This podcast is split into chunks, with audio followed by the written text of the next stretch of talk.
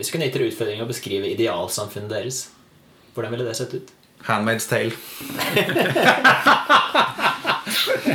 Nord-Korea. Forbud mot religion.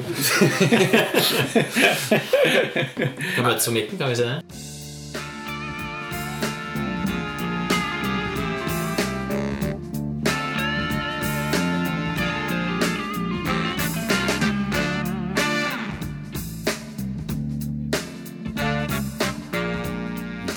Daniel Joakim, en podkast med filosofi i møte med Gud, vitenskap, kristen tro, etikk og mye mer. Det er sommer, og det er fotball-VM, og overhodet ikke i den anledning så har jeg fått muligheten til å prate med presten og ateisten. Vi har pratet om nærmest alt mellom himmel og jord, så her tror jeg det skal være noe for enhver smak, eh, så jeg håper at du vil like det. Presten og ateisten, som er henholdsvis Stian Aarebrot, som er prest, forfatter og daglig leder for nettverket Etter Kristus, Etter Kristus er små nettverk hvor mennesker samles fordi de tenker at det er ikke viktig at de bare tenker de riktige tingene, men at de prøver å få inn de gode rytmene i livet. Hvor man da kan hjelpe hverandre til å prøve å leve etter det gode i hverdagen, eh, i alt fra å bruke livet ens til å bekjempe slaveri, eller hjelper å frigjøre hverandres nervebaner fra avhengighet til sosiale medier, eh, osv. De holder slike grupper jevnlig, så bare kontakt Stian hvis du ønsker å få høre mer om det. Og det er sist, men ikke minst Didrik Søderlind, som er rådgiver i Humanitisk Forbund, spaltist i Vårt Land og livssynsnerd, som han kaller seg. Og sammen har de to skrevet en bok som heter 'Presten og ateisten', som er en slags samtalebok. Eh, Og jeg har faktisk flere venner som egentlig bare har helt uoppfordret pratet veldig godt om denne boka og sagt at den har betydd en forskjell i livene deres. Så den kan du nok finne i nærmeste nettbutikk, eller ved å ta kontakt med enten Stian eller Didrik, og jeg tror antageligvis Twitter er det letteste stedet å gjøre det, dersom du bare søker opp navnene deres. Jeg minner dessuten om at påmeldinga til Filosofika er åpen fram til 23. juli. Vi har et veldig bra program i år, så jeg tror ikke du har lyst til å gå glipp av det. Eh, Så gå inn på skaperkraft.no slash arrangementer eller nkss.no og gå inn på arrangementer dersom du ønsker å finne ut mer og kanskje melde deg på. Eh, Eller hvis du har spørsmål og kommentarer, så er det bare å ta kontakt på mail at danieljoakim.org eller ta kontakt på Facebook. Husk gjerne å abonnere på podkasten, anbefale den til en venn, eh, eller gå inn på iTunes og gi en review. Tre eksemplarer av boka 'Grillen kristen' er nå gitt ut til personer som har gitt feedback, eh, men du kan få flere eksemplarer i en nettbutikk, eller bare hvis du ønsker å bli medlem i laget og møter de på stand i sommer, så kan du få det som en mulig vervepremie. Så her får du høre presten og ateisten Stian Aarebrot og Didrik Søderlind.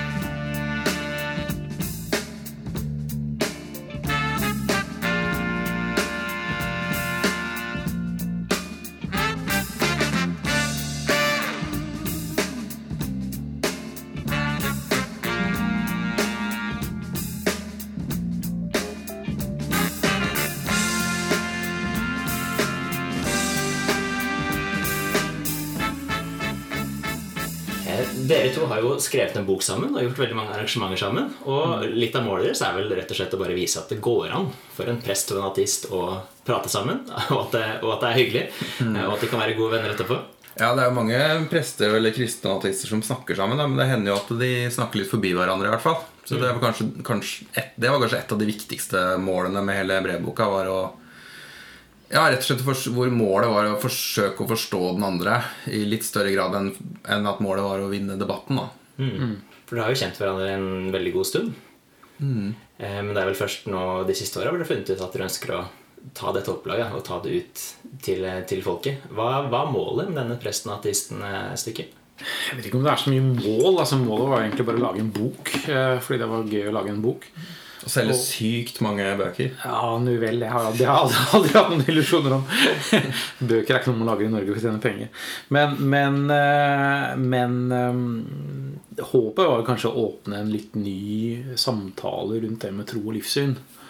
Eh, Jeg har vært veldig mye i skyttergravene på internett og, og sånn og sett liksom, folk snakke forbi hverandre, demonisere hverandre osv. Og, så og vært veldig lei av det.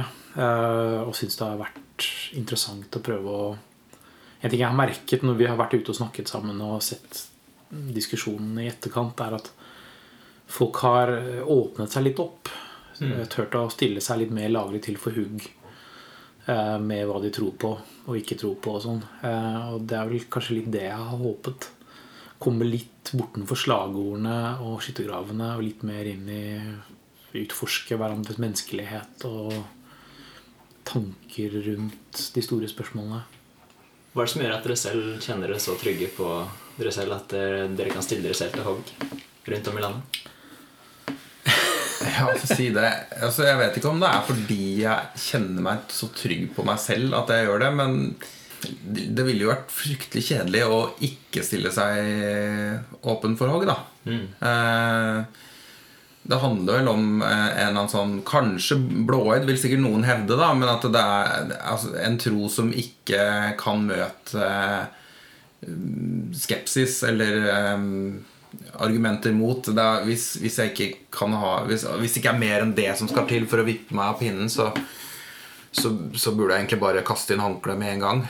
Så det, det handler egentlig ja, det handler, det handler om at eh, hvis, tro, hvis troen min er verdt eh, å ha, så må det være en tro som eh, jeg kan ta med meg overalt. da, og- i møte med hvem som helst, egentlig. Men det, det er ikke det samme som å si at det er lett, men det, det, er hvert fall For meg så blir det det eneste riktige, da, hvis, hvis, det, hvis det skal ha noe for seg, denne troa. Mm. For det kommer jo fra et standpunkt hvor dere i utgangspunktet burde vært radikalt uenige om et par ting. Hvis dere begge to skulle Det er vi jo. Gud er død. Eh, Men hvis dere skulle trukket fram en, en positiv ting, eh, en ting som gjør at dere nesten kunne hatt lyst til å ta, ta motparten sitt livssyn, og en negativ ting, en ting som du tenker at nei, det, det kunne vært foruten uansett. Hvis vi starter med deg, da, Stian. Hva ville vært en positiv og negativ ting med f.eks. sekulær humanetikk? Eh, Det, det positive Det er jo flere ting, egentlig. Da. Det ene er jo at jeg opplever jo at eh, sekulær humanetikk, som eh, i hvert fall den, av den typen Didrik står for, er jo et livssyn som genuint ønsker noe godt her i verden, og som eh, ønsker å søke mening eh, på en veldig ærlig måte.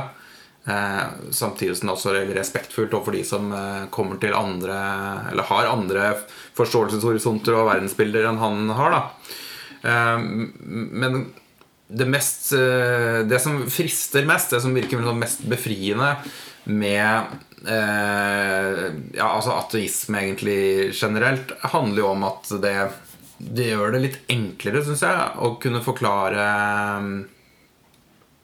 eh, lidelse.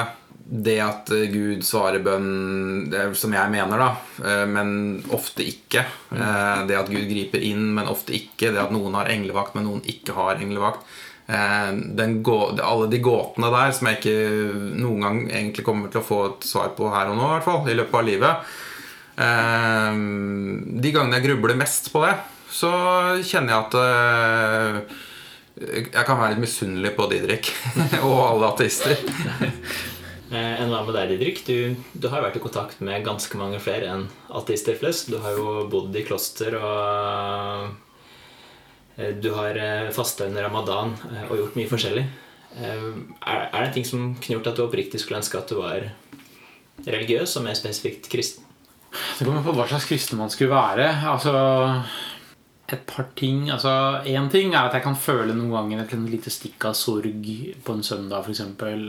Eh, å gå forbi en kirke og tenke at det som skjer der inne, det har liksom vært en del av mine forfedres liv i mine generasjoner, og det er liksom har sluttet med meg, da, på en eller annen måte. Eh,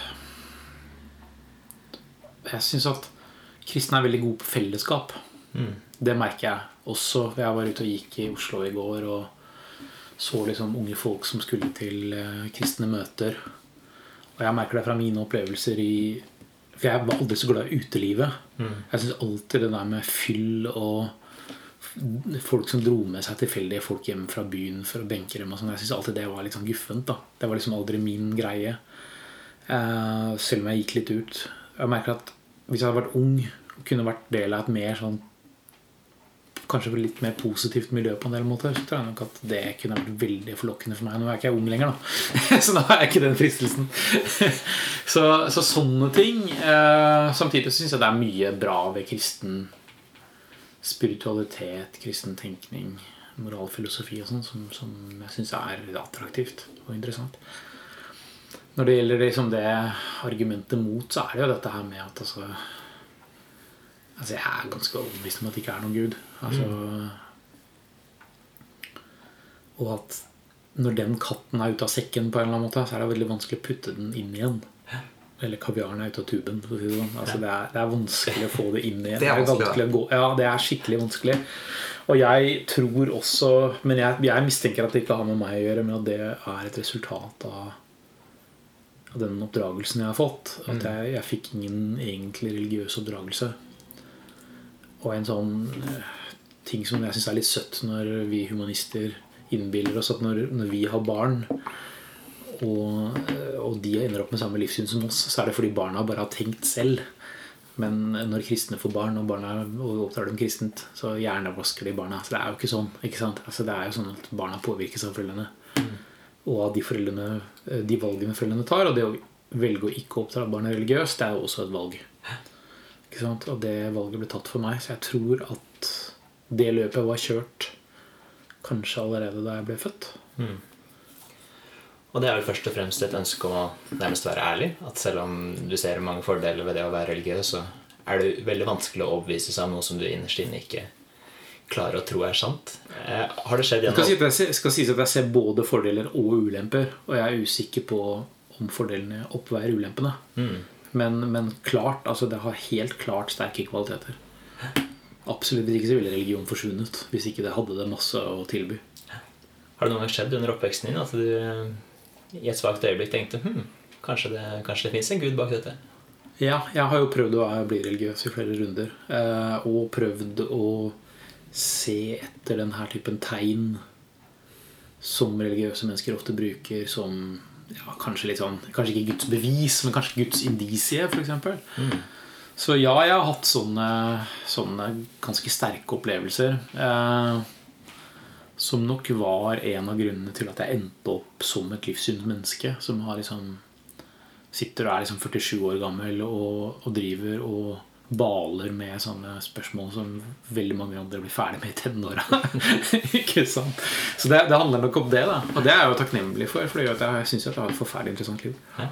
Det høres jo veldig kjedelig ut. Du blir ferdig med disse spennende spørsmålene allerede i tenårene. Hva skal man da bruke resten av eh, tida på? Mange syns det er gøy med fotball og sånn. Det, det, det, mangler, det, det genet mangler jeg.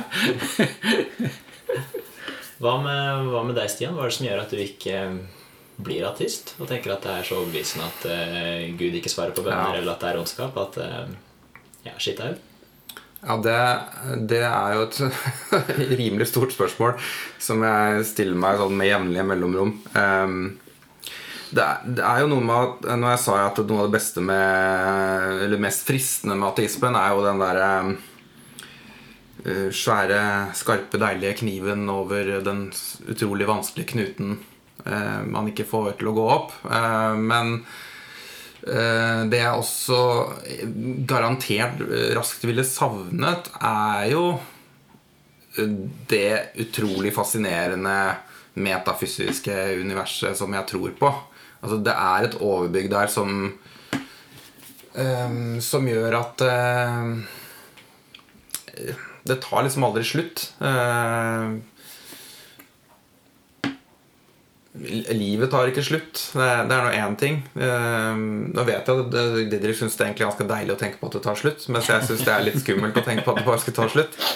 Eh, men, eh, men eh, Ja, nei, det er, det er den derre eh, dragningen og lengselen mot noe, noe mer, da. Noe større. Eh, noe å Kanskje til og med noe å bøye seg for. Eh, jeg har i det siste blitt mer og mer glad i å knele eh, og til og med bøye hodet i pannen, eller pannen i gulvet når jeg ber, fordi jeg ønsker å kjenne på en sånn dragning da, mot å bøye meg mot dette store som er så mye større enn meg selv. Jeg kunne selvfølgelig for diskusjonen skyld helt sikkert funnet noe større å bøye seg for også som innenfor det ateistiske verdensbildet. Men eh, jeg vil si at vi leder med et par hestehoder allikevel i forhold til dette store. Driver du og snikislamiserer deg selv? Ja, jeg, driver og tar, tar det beste fra islam, helt klart. Så det, det, var jo, det var jo, nå skal jo sies at det var en snikkoptifisering av islam. Det var jo snakk om den der bønneposituren her, da. Alle stjerner for alle. Ja. Sånn er det. Nei, men altså, altså Det er veldig mye i mitt univers som jeg oppfatter som veldig stort.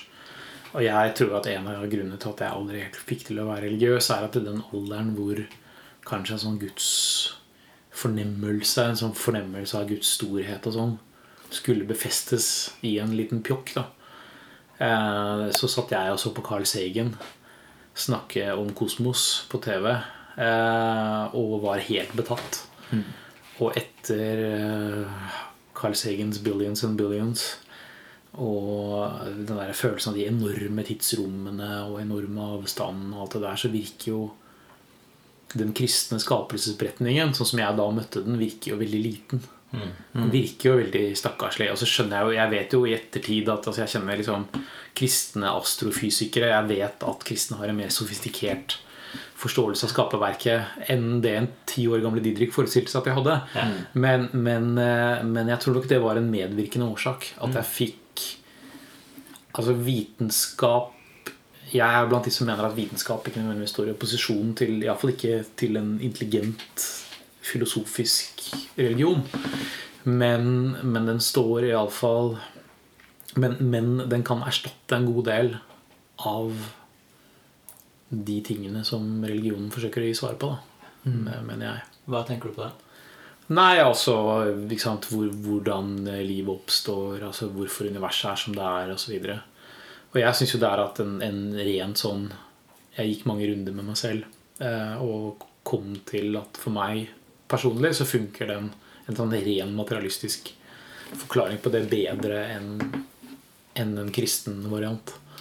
Det gjør det, f.eks. Det det gjør det. Men igjen så handler jo det om hvilke premisser som har blitt lagt for meg fra jeg var liten. ikke sant? Og det er En av de tingene som jeg tror at jeg og Stian er ganske enige om, er at vi er ikke så rasjonelle som vi liker å tro at vi er. Vi velger ikke så fritt som vi liker å tro at vi gjør. Ja, det er jeg helt enig i. Um, og det Altså, noe av det som jeg syns har vært ofte vært noe av det mer interessante når vi har hatt eh, samtalene våre, um, har jo f.eks. vært når vi har vært inne på um, Altså i denne brevboka, da, så, så går vi jo litt i hverandres sko, da, som vi kaller det. Um, som jo ikke går an helt, selvfølgelig. Vi vil jo aldri, det går liksom aldri å fake en gudstro eller en ateisme helt. Men, men jeg eh, skulle da faste fra bønn i to uker, og Didrik skulle be uh, noen ganger om dagen. Uh, og eh, det som, som, som Didrik både skriver om i boka, men kanskje utdyper enda mer i samtalene, er jo når det funker best. Eh, var jo hvis jeg får korrigere meg hvis det er feil, men på Island i møte med den store naturen og havet osv. Eh, som ble et slags gudssubstitutt. da eh, Og da syns jeg vi har liksom aldri fått snakka så veldig mye lenger derfra. derfra men, men aner meg det aner meg at at det handler som Didrik var inne på, da, hvilke briller du tar på deg. Eh, for jeg tenker jo også at altså, Gudsbildet mitt har jo også forandra seg fra som tenåring, hvor det var en slags mann der som, eh, som liksom knipsa i fingeren og fikk det litt som han ville, og kunne bli litt sur og lei seg hvis jeg gjorde noe feil, eller ble glad hvis jeg gjorde noe fint. Og til, til at Gud Det er noe veldig mye større enn det. Eh, og at kosmos, da. Dette uendelige svære ehm, ehm, som vi ikke klarer å, egentlig klarer å ta inn med tanken vår. At det, det ligner jo veldig på Gud, tenker jeg. Eh, det er, det er liksom Gud for meg begynner å bli Det er noe der. Og dermed så Dermed så er det ikke Altså Jeg sier ikke at vi, altså vi, vi tolker de tingene helt ulikt eh, med de brillene vi har. Men, men på en eller annen måte så ser vi litt på det samme. Den samme tingen. Og så sier jeg at det, der er det noe Gud, og, og Didrik har den mer materialistiske tolkningen av hva han ser på. da Og det høres ut som ofte noe av det mest rasjonelle er jo gjerne å innse at ikke vi mennesker er så rasjonelle som vi tror. Mm. Først og fremst. Jeg bare blir litt eh, fascinert, da, eh, Didrik. eh, For du snakker om kosmos og naturen som er vakker. Og så har jeg tenkt at det går en slags sånn parallell til når Stian sier at han sliter med det ondes problem, fordi han opplever at sånn burde det ikke vært. Så man kan kanskje si at det er en slags sånn parallell på andre sida som heter det godes problem. Er det iblant vanskelig å forstå hvorfor hvordan ting i det hele tatt kan være vakkert og godt dersom ikke det er noe større hensikt bak det hele enn at eh, jeg håper å si vi er eh, programmert inn da, av en eh, lang biologisk evolusjon til å oppleve noe som godt eller, godt eller vakkert. Kommer an på hvor sosiobiologisk du vil at jeg skal være.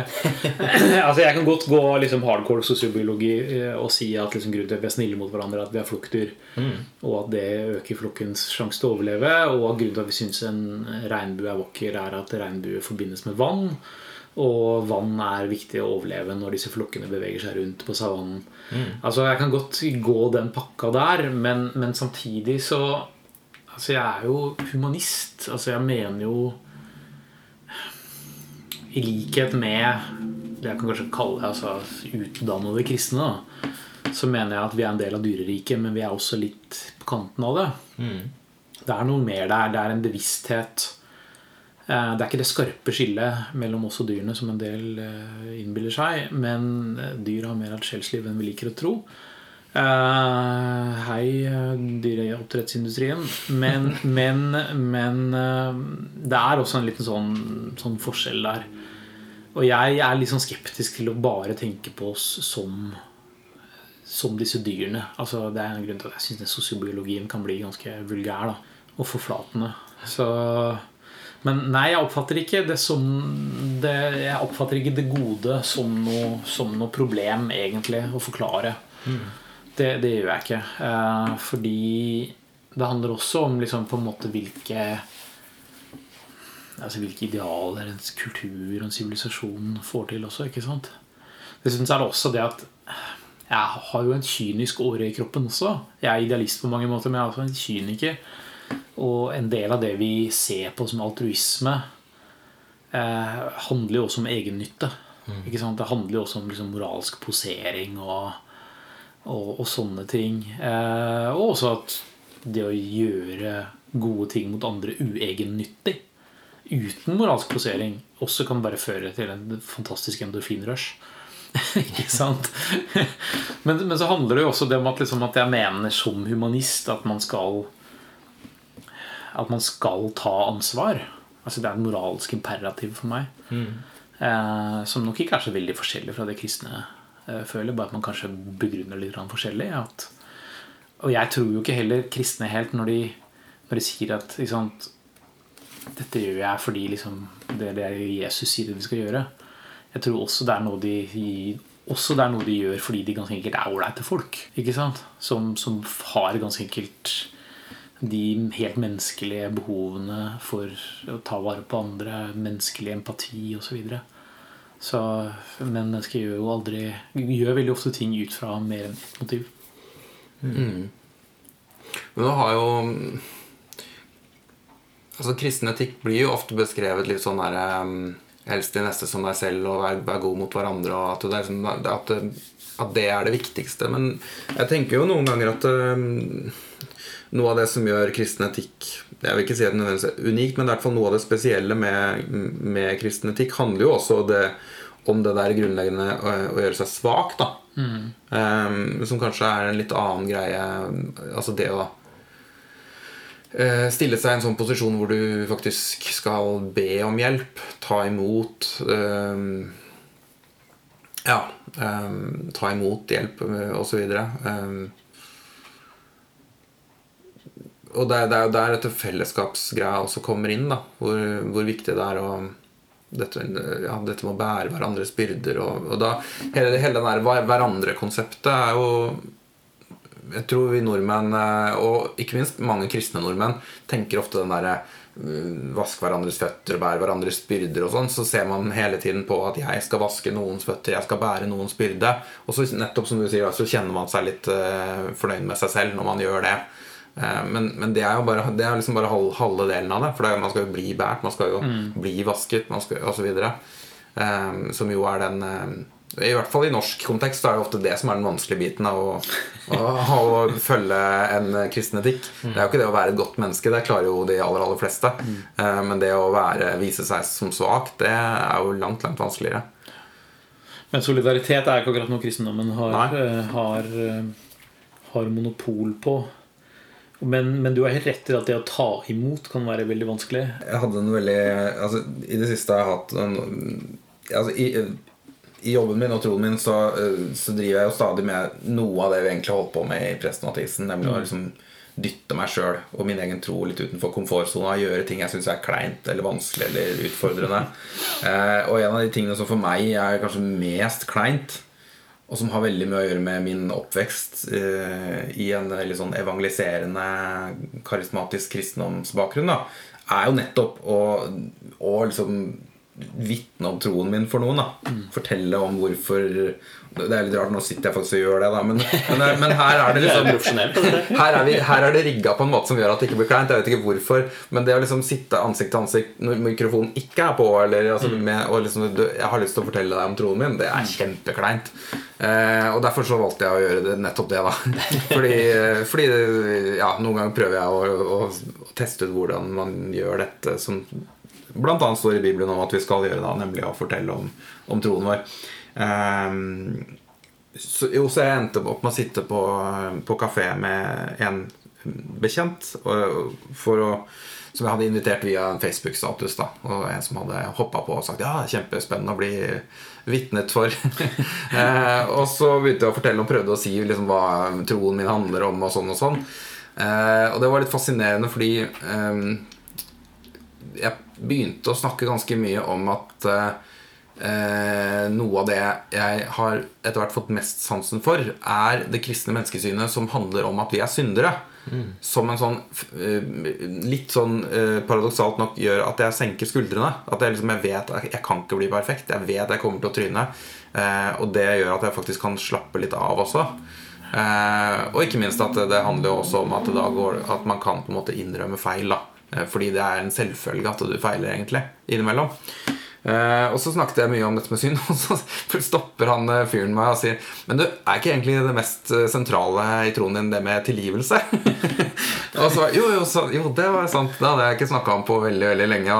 I den lange samtalen min om synd osv. Det er så gøy å prate om synd. At du ikke Ja, ja, så jeg ble så, Presten ble liksom irettesatt av en uh, mann som eh, ikke har satt sine bein i kirke på ganske ganske lenge. Om noen gang så det, Men han visste eh, veldig godt hva kristen tro handla om. Bedre enn meg, tydeligvis.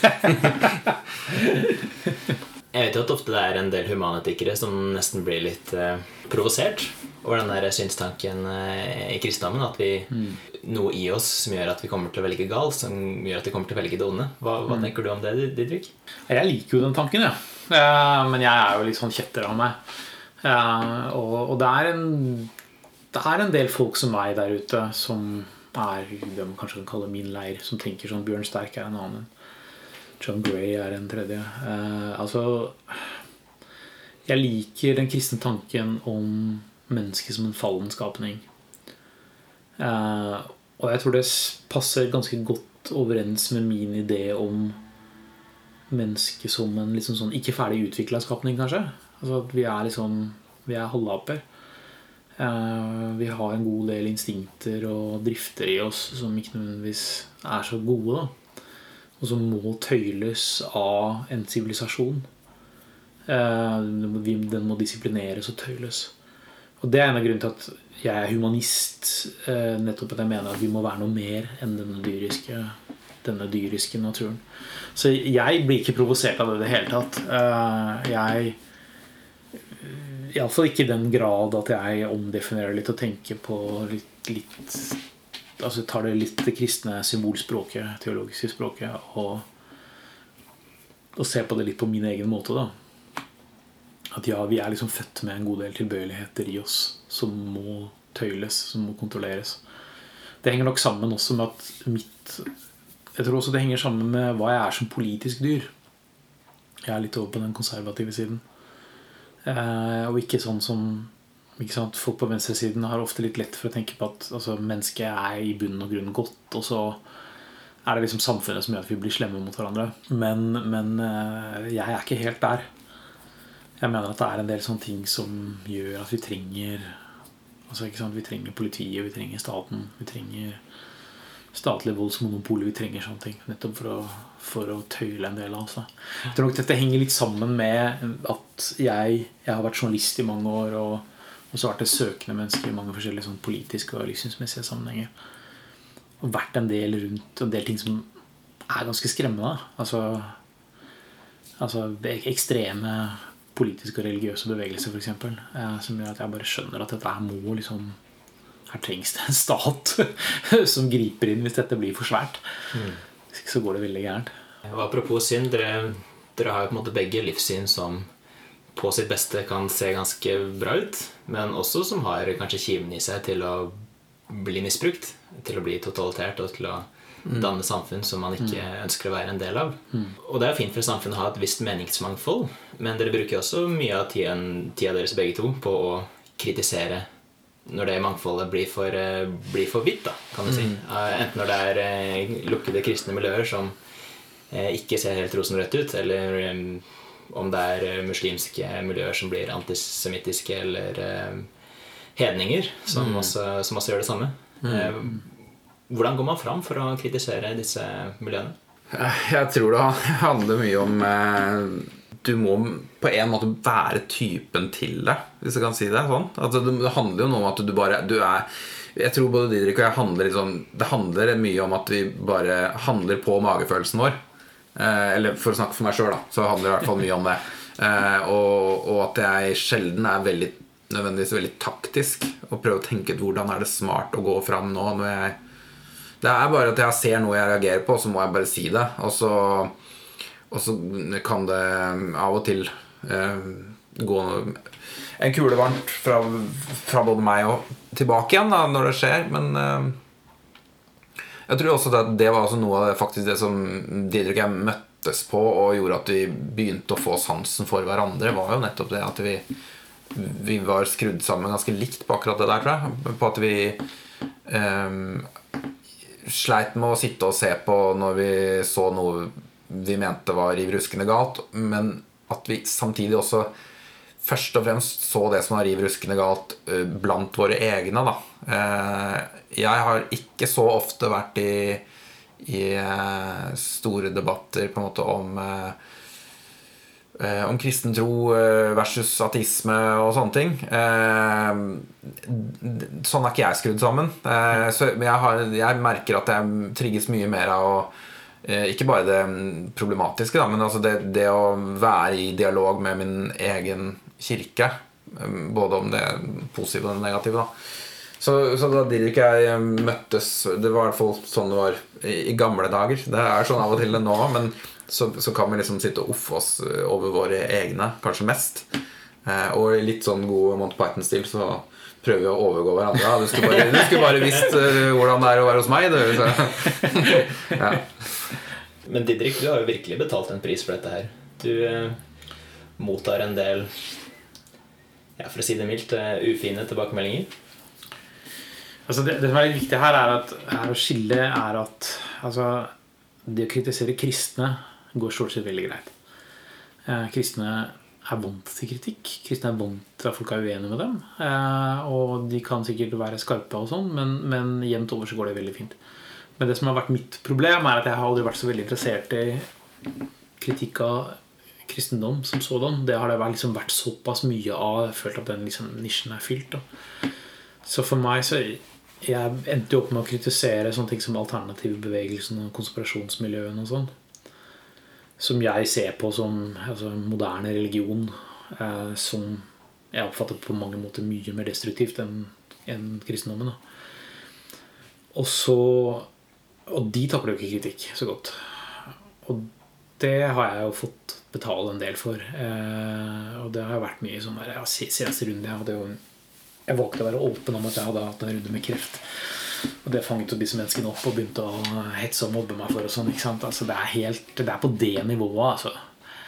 Um, så, så det har kostet. Det har det. Men samtidig Samtidig så har det jo bare gjort at jeg har blitt mer hissig på det.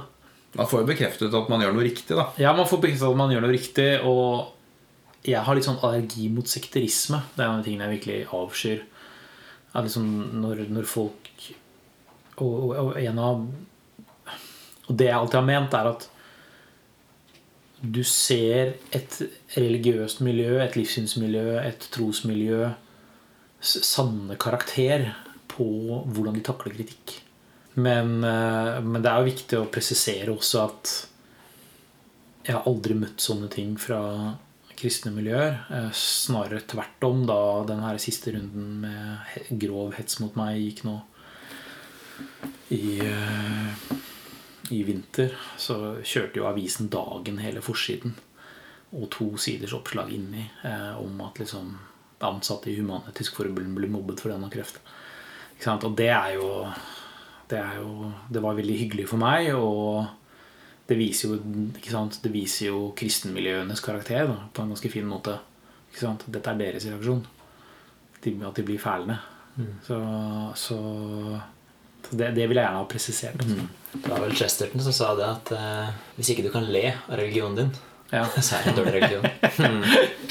Jeg satt akkurat og skrev om det i dag, eh, for jeg holdt på med en artikkel, skrive en artikkel om livssyn og humor. Og, det, og jeg har aldri lagt skjul på at jeg beundrer sånne kristne nettsider som Ship of Fools og The Babylon Bee og sånn.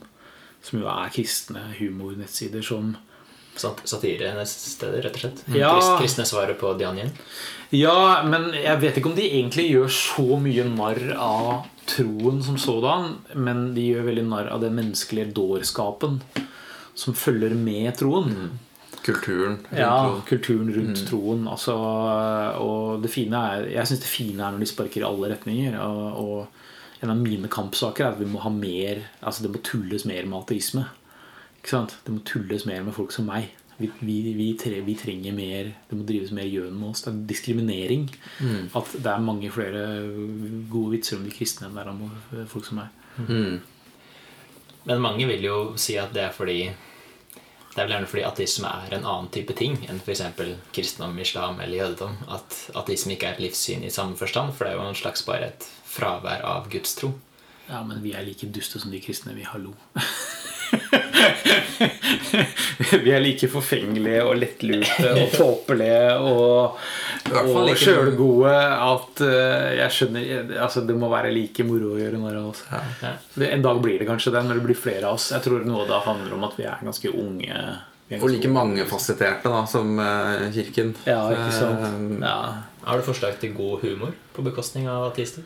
Babylon Bee leverer en del bra ting. Eh, og jeg ser at det har begynt å bli en sjanger med humor om ateister nå. Det har det. Eh, særlig i USA, og det er veldig bra. Men det er veldig mye basert på den her stereotypien om sånne aggressive, angstbiterske nyateister. Fedora Neckbeard-typen. Eh, som jo er veldig lett å gjøre narr av. Eh, men som også er veldig morsomt å gjøre narr av. det skal sies. Babylon Bee hadde vel en sånn deilig nyhet om eh, eh, mann eh, Hvordan var det? Eh, mann som nylig ble omvendt til ateisme via memes. Ja. eh, uttaler at han er endelig ble kvitt denne brainwashed religion. Eh. Lærepengene det er vel at folk som er litt fundamentalistisk artet, gjerne beholder den, selv om de velger å skifte livssyn. på ja, definitivt. Og ja, mm. Hvis du er 100 sikker på at eh, kristendommen er det ene store sanne, og du plutselig blir ateist, så er du like 100 sikker på at Ja, eh, fornuft og vitenskap er veien til frelse. Ja, ja, nei, det er, det er samme menneskene med bare motsatt fortegn. Eh, Jeg har, møtt, jeg har møtt noen av dem opp igjennom. Ja. Jeg har møtt dem på Livets Ord bibelskole, der de har latterliggjort meg for å være altfor lunken kristen og eh, for lite ja, for lite bibeltro osv. Og, så videre, og, så videre. og så møter jeg dem fem år senere, og så er de eh, latterliggjør de meg fordi jeg er kristen. og så videre. Men som sagt, hvis vi kan bli enige om at et, et visst meningsmangfold kan være fint, og det er også viktig å kunne le av seg selv eh, Hvis vi kunne gitt dere utfordringen å beskrive idealsamfunnet deres, hvordan ville det sett ut? Handmaid's Tale. Nord-Korea. Forbud mot religion. Kan møtes på midten, kan vi si det? Nei, altså Helt ærlig så tenker jeg at vi er ikke så verst sånn som det er, altså. Tross alt. Eh, Du kan finne mye å sette fingeren på, men eh, jeg har veldig sansen for eh, at vi lever i et eh, samfunn der f.eks. religionsfrihet eh, og ytringsfrihet og sånne ting står veldig høyt.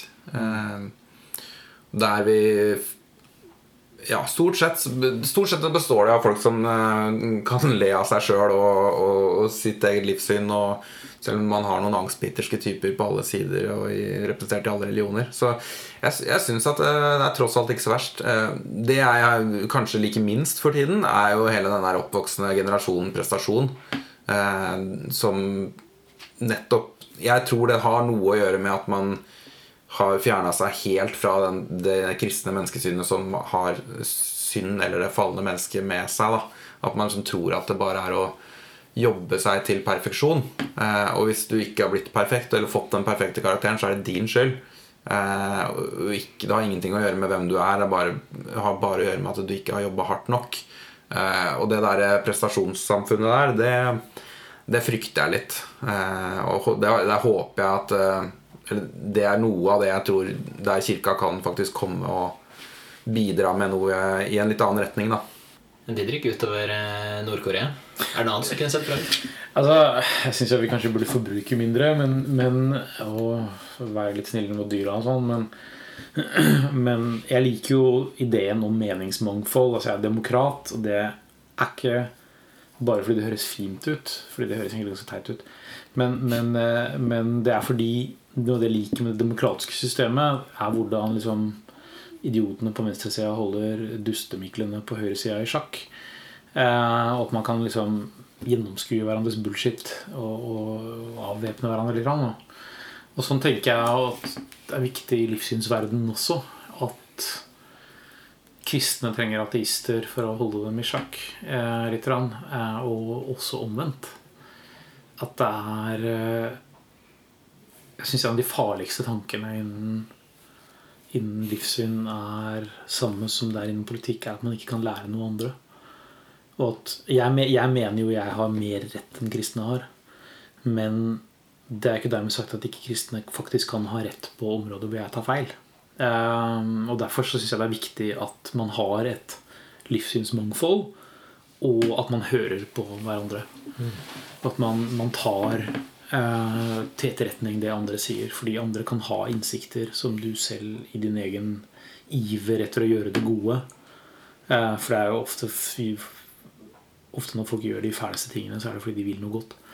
Eh, og så kan man høre etter hva de sier, og så faktisk prøve å ta det til seg. Kanskje tenke seg om en gang eller tre til.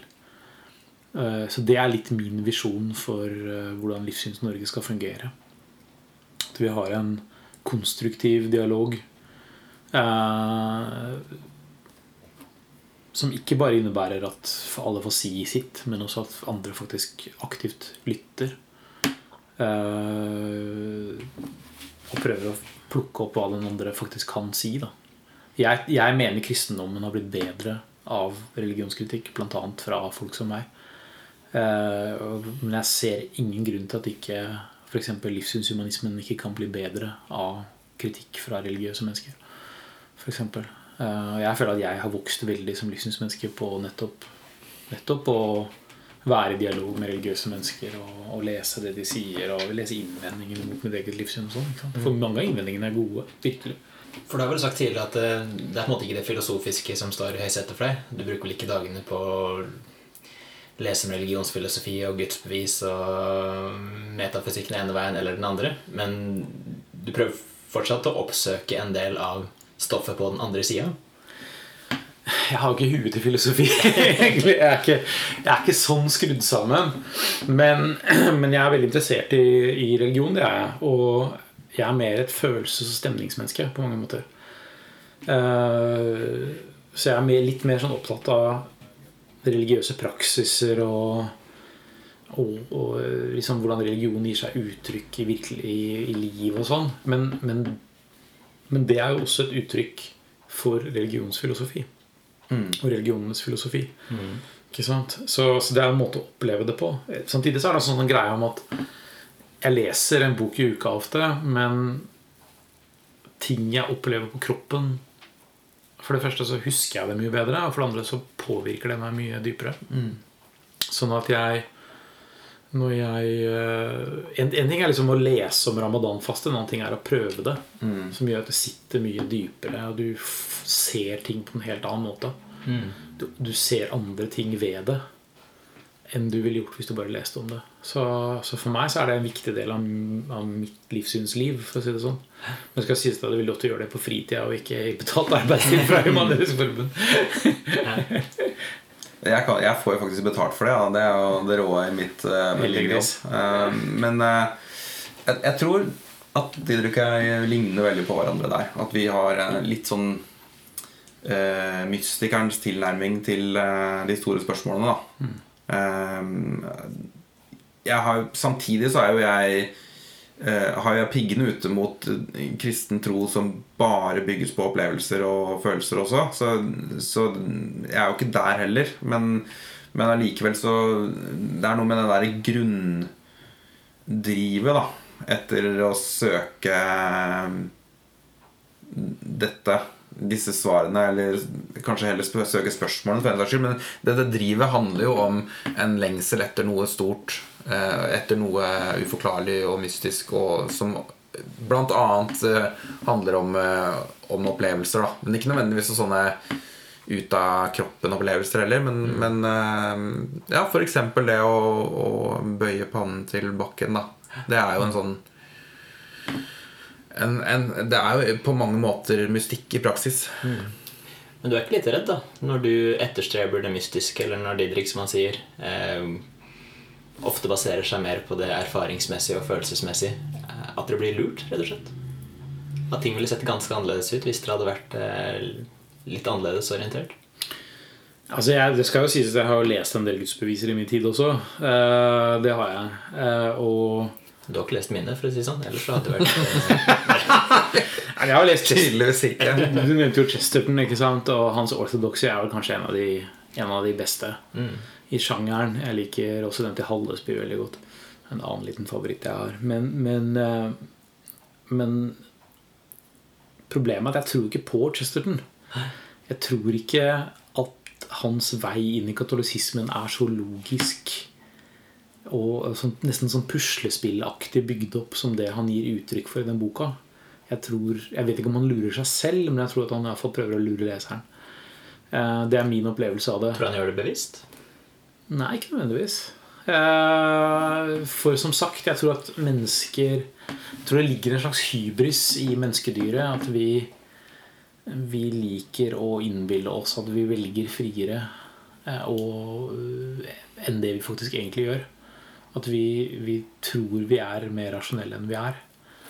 Uh, og det er i seg selv et veldig godt argument for nettopp den typen livssynsmangfold som jeg argumenterer for. Nemlig at vi kan fortelle hverandre når vi er for irrasjonelle. Samtidig så er det viktig også Så kan det en, en erkjennelse av For meg så er en erkjennelse av irrasjonalitet et skritt på veien mot å bli mer rasjonell. Fordi man, kan, man er klar over det. Og når man er klar over det, så så er man litt på vei mot å tøyle det. på en eller annen måte. Jeg tror, jeg tror i hvert fall øh, Altså det at øh, At jeg på mange måter kanskje har litt sånn mystikerens tilnærming til de store spørsmåla i livet, så er jo ikke det det samme som å si at øh, man ikke øh, grubler mer sånn Altså at man ikke Det, det hender det er noen sånne logiske tannhjul som begynner å gå opp i hodet mitt da. Og det hender jeg le- leser bøker som Du kan kommer det lyspære? ja. men, men jeg tror altså, Vi er ulikt skrudd sammen, og, og, um, og jeg er ikke typen som eh, koser meg når, når det liksom eh, Når det tenkes aller høyest. Eh, da syns jeg det av og til kan bli litt sånn livsfjernt. Eh, ja, så men, dessuten så har jeg også observert at ø, blant disse som tenker høyest og smartest, så finnes det kristne, og det finnes ateister, og det finnes folk fra andre religioner. Eh, og de sitter og snakker sammen og debatterer. Eh, og relativt sjelden eh, Arrester meg og, hvis du kan, men relativt sjelden ser jeg at noen går et stykke vei eller hopper over til den andre siden osv. Eh, gjennom sånne eh, debatter. Eh, selv om de også ganske, kan være debatter som kan gå over årevis.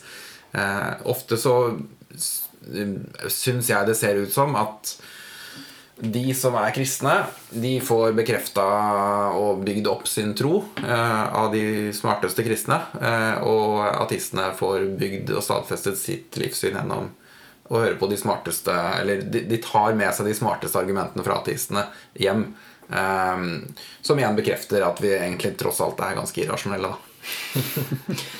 Det hadde vært innmari fint, hadde det ikke? At eh, dersom vi bare kunne sagt til oss selv at eneste grunnen til at de andre ikke tenker sånn som meg, er fordi de ikke har lært nok, fordi de ikke er smarte nok, fordi de ikke har kommet langt nok. Det er veldig populært standpunkt. Ja, Det er det. det er mange som påstår at det er sånn det henger sammen. Ja.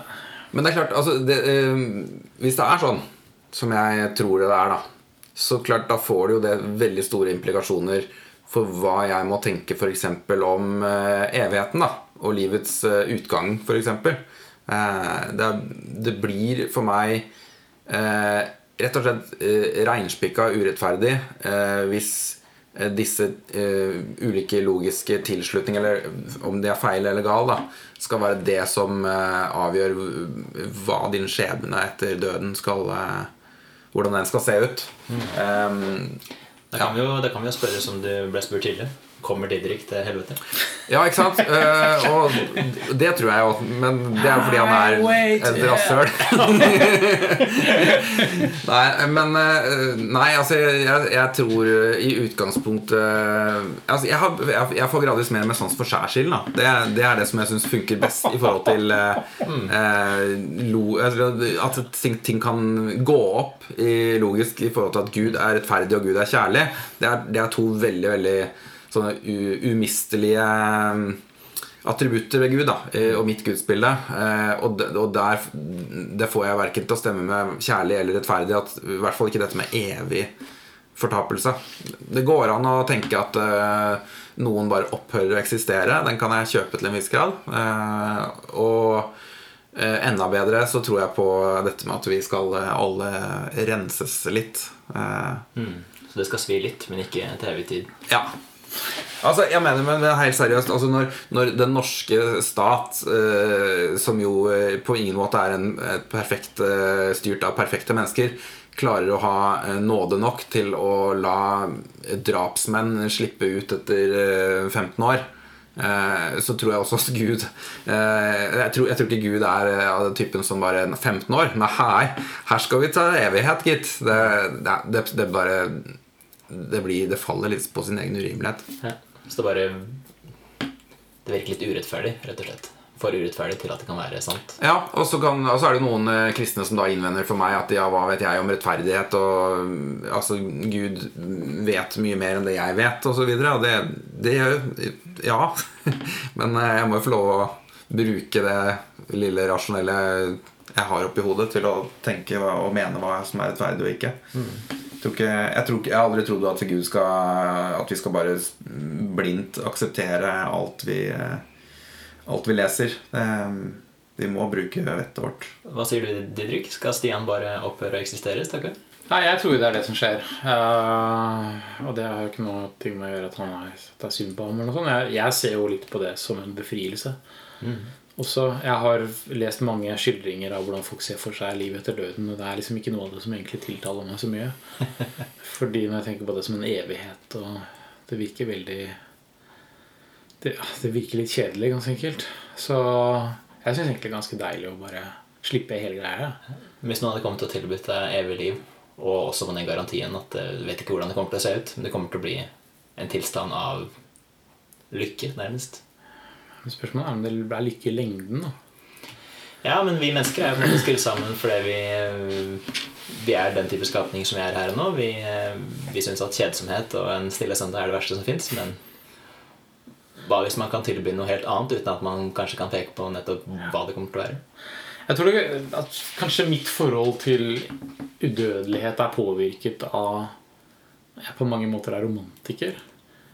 Og udødelighet ble, ble kalt den romantiske forbannelsen. Altså Den kanskje mest legendariske figurene her er liksom også Dracula og den flyvende hollenderen og sånn, som er liksom dømt til udødelighet. Men de er udødelige i denne verden, da. Det er Ja, jo de er udødelige i det denne er ganske verden. kjipt. Ja, det er eh, men, men, men hvordan skal vi forstå et annet etterliv Et godt eksempel på det er jo spiritistene, som var veldig store på 1800-tallet.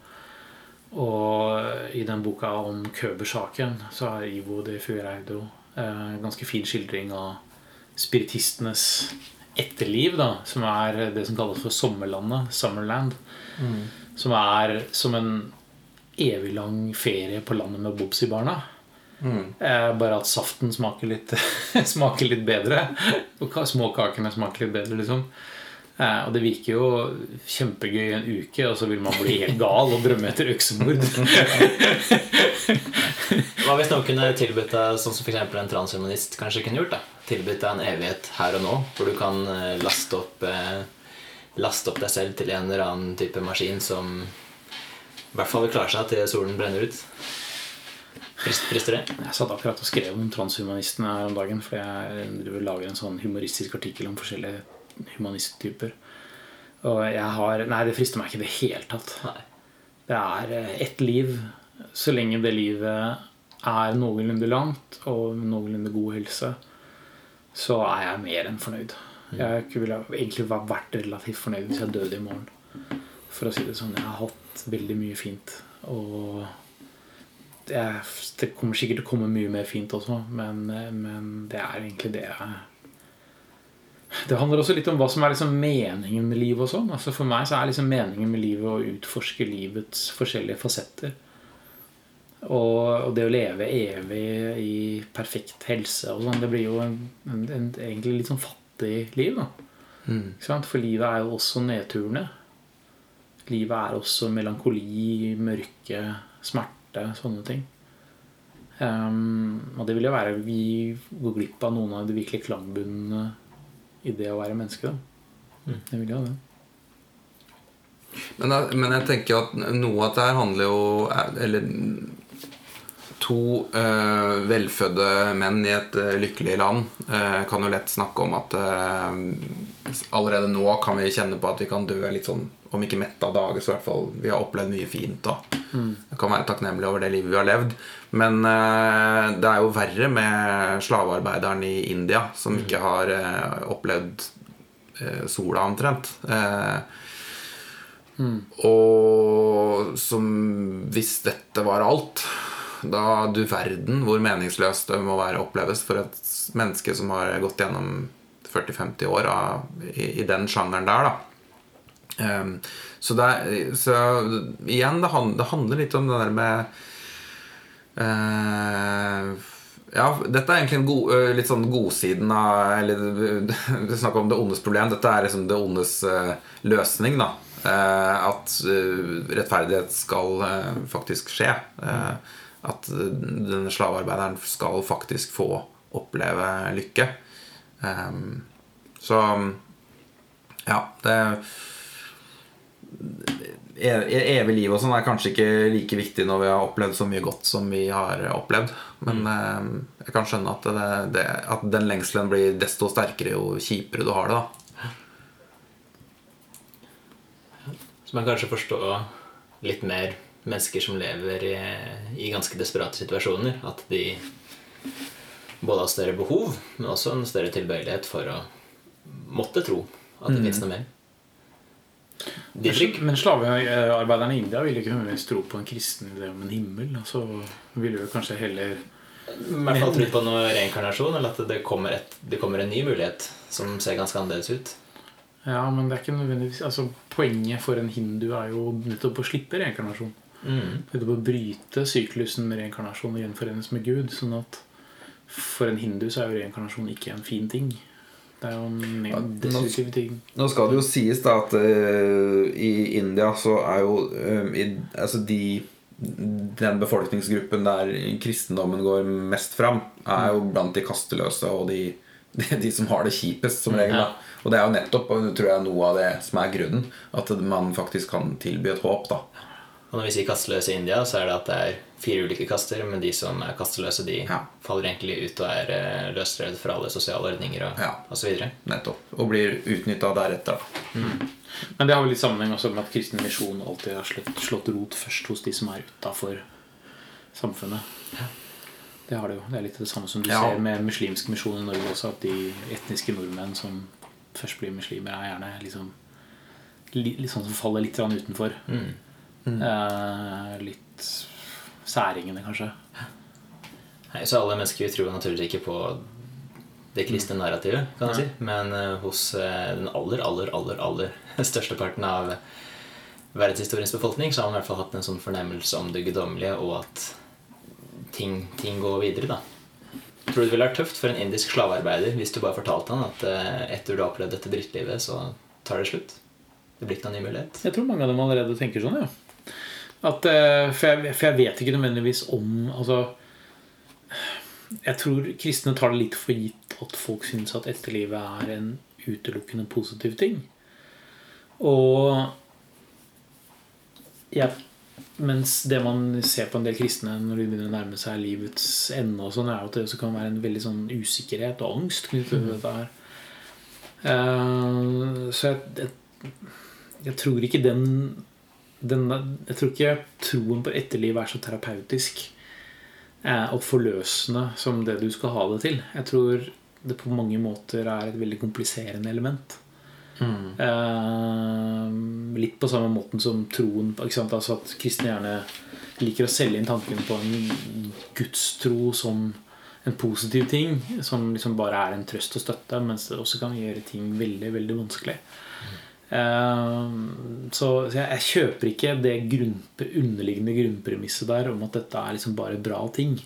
Det bare er en sånn hyggelig forundringspose.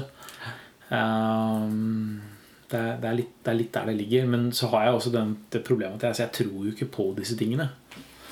Og det er veldig vanskelig å sette meg ned og liksom skulle overbevise meg selv om, om at disse tingene er der. Det er det.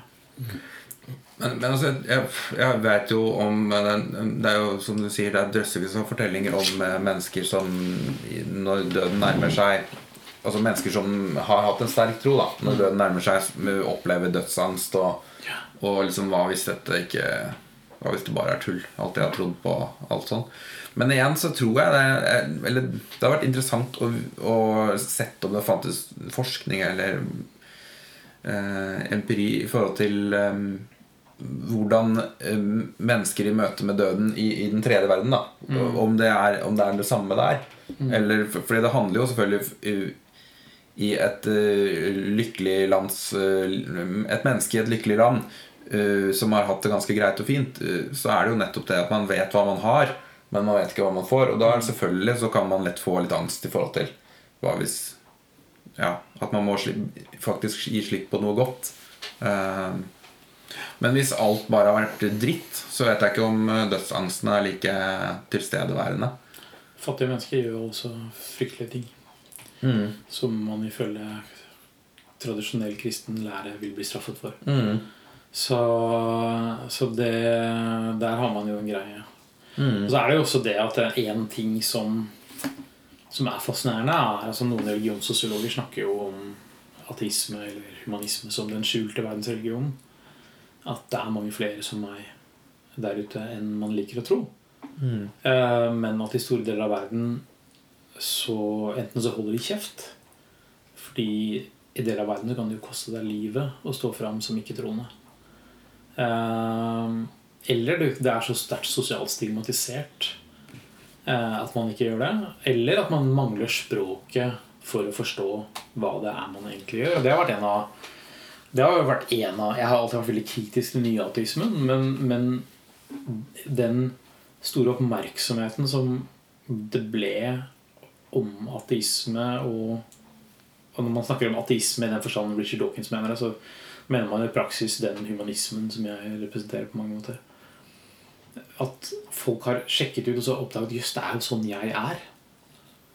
Eh, Det er faktisk dette her. Det er faktisk sånn jeg tenker. Det er dette jeg tror. Eh, litt min egen historie var også sånn Jeg ville egentlig være religiøs. Jeg så på meg selv som religiøs. Og så oppdaget jeg til min forskrekkelse at eh, det var Human-Etisk Forbund jeg, var, jeg faktisk var mest enig med. Eh, så, så det er litt sånn å liksom ta for gitt at folk At folk eh, har denne gudstroen eller noe sånt. Altså, det er noe det jeg, som gjør at jeg liker å lese religiøse tekster, f.eks. At alle disse religionsstifterne klager jo alltid over at folk i deres tid er så ugudelige. Eh, ikke går de i tempelet og ikke ofrer de til gudene og sånn. De, bare, liksom, de lever bare opptatt av å leve livet her og nå. Og hvor fryktelig er ikke det? Og da tenker jeg at det de beskriver, er jo liksom Didrik for For 3000 år siden, da, eller 2000 år siden, eller, eller 1400 år siden. Altså, ikke sant? Det er liksom, det er liksom den tidens Didriker. Det- Men tror du ikke samtidig at det, den bakgrunnen, den forestillingsverden som de levde i, er så radikalt annerledes at det er veldig vanskelig for oss å sette oss inn i den situasjonen? Jo, det er supervanskelig, men det er jo like vanskelig altså, ikke sant? Akkurat som en Didrik for 1400 år siden ville vært noe helt annet enn en Didrik i dag, så ville jo en muslim for 1400 år siden eller en kristen for 1400 år siden også vært noe veldig annerledes enn i dag. Så ja, det er jeg ydmyk på. Og jeg er jo veldig skeptisk til det å prosjisere vår egen tenkning tilbake i tid. Og det er jo en, en ting som dessverre er litt for vanlig i humanistbevegelsen.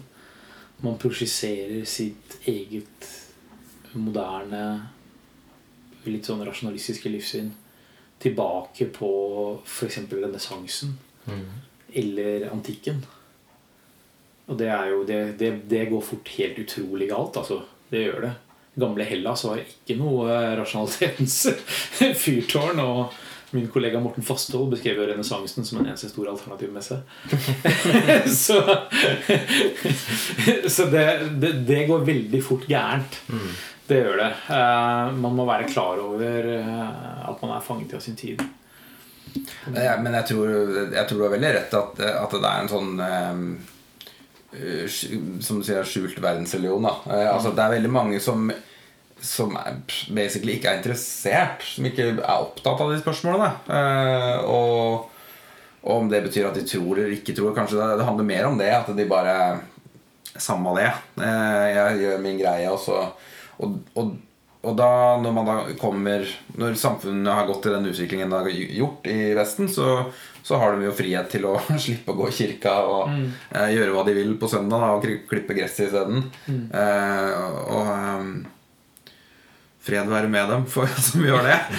men eh, men eh, jeg tror samtidig Jeg, jeg tror, hvis jeg skulle prøve å se i krystallkula, at jeg, jeg tror ikke samfunnet kommer til å bli så veldig mye mer gudløst enn det er akkurat nå. Eh, Jeg, jeg tror mye av den oppløsningen Altså den der friheten du gjør, gjøre hva du vil, og så har folk stort sett fått lov til å gjøre hva de vil. Og, og, og nå vi, tror jeg vi er omtrent der vi kommer til å være en stund framover. At det, samfunnet vil både være sekulært og multireligiøst eh, om hverandre. da um, Men hvis du ser på statistikker, de fleste grafene viser jo at eh, antallet mennesker som ikke, ikke tror på Gud, i hvert fall i vårt lille Vesten, uten å si noe om verden for øvrig, det peker gjerne ganske oppover. Det gjør i hvert fall det i Norge. Hvor vi for Ja, første gang har flere som ikke Men tror på Gud. jeg, enn jeg våger meg på en liten uh, Liten spådom om at den, det kommer til å flate ut nå. Eh, men farlig å få det på bånd, for nå kommer jeg til å bli ferska i verdens dårligste profet om 10-20 år. Da kan eh, Dette er en god inngang til å spørre dere et par korte spørsmål her til slutt. Eh, Didrik, hvis du kunne trykket på en knapp som gjorde at all religion forsvant fra jordens overflate i morgen, ville du gjort det? Nei. Hvorfor ikke? Fordi det ville blitt erstattet av noe annet. Og jeg vet ikke hva dette annet ville vært. Det kunne vært noe som var mye verre. Og jeg syns historien eksempel viser at en del av de religionssubstituttene vi har hatt, har vært mye verre og mer destruktive enn religion. Altså politiske religioner som kommunismen og fascismen f.eks. Eh, har vist seg å være mye mer destruktive enn tradisjonell religion var. Så nei, jeg ville ikke gjort det. Pluss også at jeg er religionsnerd. Jeg ville jo kjeda meg i hjel. Ren egeninteresse. Du hadde hatt nok av konspirasjonsteorier å henge fingrene i, selv om Ja, men det er religiøsitet for meg. Ja. Det er moderne demonologi. Og Stian, hvis du kunne trykke på en knapp som gjorde at eh, hele verdens befolkning ble kristen i morgen, ville du gjort det? Det hadde kommet litt Hvis jeg f.eks. hadde hatt dette um, Hvis jeg hadde vært sikker på min sak om at uh, det var det som skal til for at alle mennesker skal komme til himmelen når de dør, så er, ville faktisk svaret vært ja. Fordi det er såpass viktig for meg at uh, mennesker ikke skal gå fortapt. Eh, men nå tror jeg jo ikke at det er så enkelt, eh, og derfor så blir svaret nei. Eh, og det handler jo selvfølgelig om at, om at en sånn totalitær kristendomsverden ja, Da er vi jo på Handmaid's Tale. Det er, det er, vi, må, vi må ikke finne på å bevege oss i den retningen her. Jeg tror ikke kristne blant seg selv kunne vært fornuftig nok til å unngått Handmaidens Tale. Jo, det, om- jo, det kunne det, men, men altså hvis, hvis, uh, hvis jeg trykker på en knapp, så har jo ikke folk fått lov å velge selv. Er, og da er man liksom tilbake til start, altså. Kan, man kan ikke Man kan ikke tvinge mennesker eh, Selv om, de, selv om det har vært en, en eller annen sånn Men in Black-versjon der de ikke engang husker at man ble tvunget til det, så, så ville det jeg, og jeg som eneste menneske i verden ville i hvert fall gått rundt med en litt vond følelse og kjent at søren, det var jeg som trykka på den knappen, og de vet ikke engang at de har blitt tvunget til dette her. Og nå er dere i hvert fall eh, blitt eh, to kloke mennesker som er litt lenger opp i åra. Eh, Hvis dere kunne møtt dere selv som tenåring og gitt dere noen råd angående livssyn, hva, hva ville dere sagt til dere selv? Kanskje dere er på samme alder som mange av lytterne her. Eh, Faktisk eh, så driver jeg egentlig og skriver et forord til en ny bok som jeg skal ut med i høst, som heter 'Til meg selv som 22-åring'. Eh, Så jeg har faktisk prøvd å si noe til meg selv som 22-åring. Eh, Hva er hovedpunktene der? Nei, det, det, det Hovedpunktene handler om å si til meg sjøl Eller gi meg et par ørefiker, egentlig. Og ta meg sammen. Fordi jeg hadde en, altså Min tro besto i Det handla, mye om ansvarsfraskrivelse. Det handla om at eh, Gud styrte verden, og eh, det å la humla surre var å la Gud styre. Så jeg, jeg tok ikke et eneste omtrent eh, bevisst valg. Jeg bare lot alt skure og tenke at nå styrer Gud. Eh, og ja, jeg, var også veldig eh, skeptisk til alt som eh, handlet om disiplin og mm, gode vaner og faste rutiner og alt skulle liksom være fritt, for det frie var det autentisk og sånn. Eh, og det har jeg gjennomskudd som bullshit. Så eh, det, er egentlig det jeg vil prøve å si til meg sjøl som 20-åring. At eh, ja, ta deg sammen, gutt. Det, du kan ikke bare Religionen din må ikke bli en sånn hvilepute for å tro at eh, du ikke trenger å ta noen tøffe valg i livet. Hva med deg, Didrik? Jeg er jo veldig uenig i at jeg er klok, så jeg vet ikke om jeg har så veldig mye å si til ungdommen. Men, I hvert fall klok nok til å vite at eh, du kanskje ikke er så klok. Det er klokere, enn- klokere enn de fleste. men jeg, jeg, fall- altså jeg ville vel også bedt meg sjøl om å skjerpe meg. Ta meg sammen. Jeg har også vært litt sånn Litt for dårlig på å ha fokus og og sånne ting. Kanskje litt fordi jeg har vært litt mer sånn utforskende og brukt veldig lang tid på ting. da eh, Grubla mye og sånn. Men, men også jekke seg ned noen hakk. Ganske enkelt. Altså ydmykhet er en verdi jeg setter veldig pris på. Um, og som jeg tror at Didrik på 22 år hadde hatt veldig godt av å høre litt om. Det tror jeg virkelig. Men nå tok jo Gud og jekka deg ned et par hakk du var 22 år i form av et eh, bananskall, var det ikke det? Jo, altså, nei, altså, jeg har jo hatt sånn Jeg syns jeg er de fascinerende tingene med å liksom forsøke å forstå en det man kaller en religiøs virkelighetstunnel. Da. Eller sånn leve i en religiøs verden er å prøve å se på sånne ting som jeg tror er tilfeldigheter. Men prøve å tolke dem som meningsfulle. Eh, som f.eks. hvis man sklir på rumpa på isen mens man går og tenker veldig høyt om seg selv og slår seg på halebenet så man nesten griner. Og så tenker jeg at kanskje dette er et tegn fra universet. ikke sant? Eh, nå tror ikke jeg det, men, men eh, kanskje det der og da kan være lurt å tro det. Eh, for å dermed tillegge den begivenheten større vekt. Sånn at, man, sånn at det setter seg litt mer. Og ikke at den der, og du kjenner det der vonde halebeinet litt innimellom når du kanskje trenger det. Da tror jeg egentlig det bare gjenstår å takke for en veldig spennende samtale. Synes i hvert fall jeg. Eh, Så tusen takk, Stian Aarebrot og Didrik Søderlin. Takk Det selv. veldig hyggelig å ha dere her. Tusen takk. Tusen takk. Og hvis folk ønsker å høre mer fra dere, så kommer de kanskje til et arrangement nær dem, eller så kan de kjøpe boka deres. Hvor får man tak i den? Eh, Det skal jo være tilgjengelig eh, overalt hvor den, man spør etter den. Da. Eh, Men ja, på nettshop det er vel det enkleste. Humanistforlag.no. Ja. Så Presten og ateisten, dere har ikke hatt noen planer om en oppfølger? Level Vi har stort sett bare le, hatt det veldig moro med alle oppfølgertitler. 'Presten og ateisten rir igjen' og osv. Alt. Ja. Dueller ved daggry.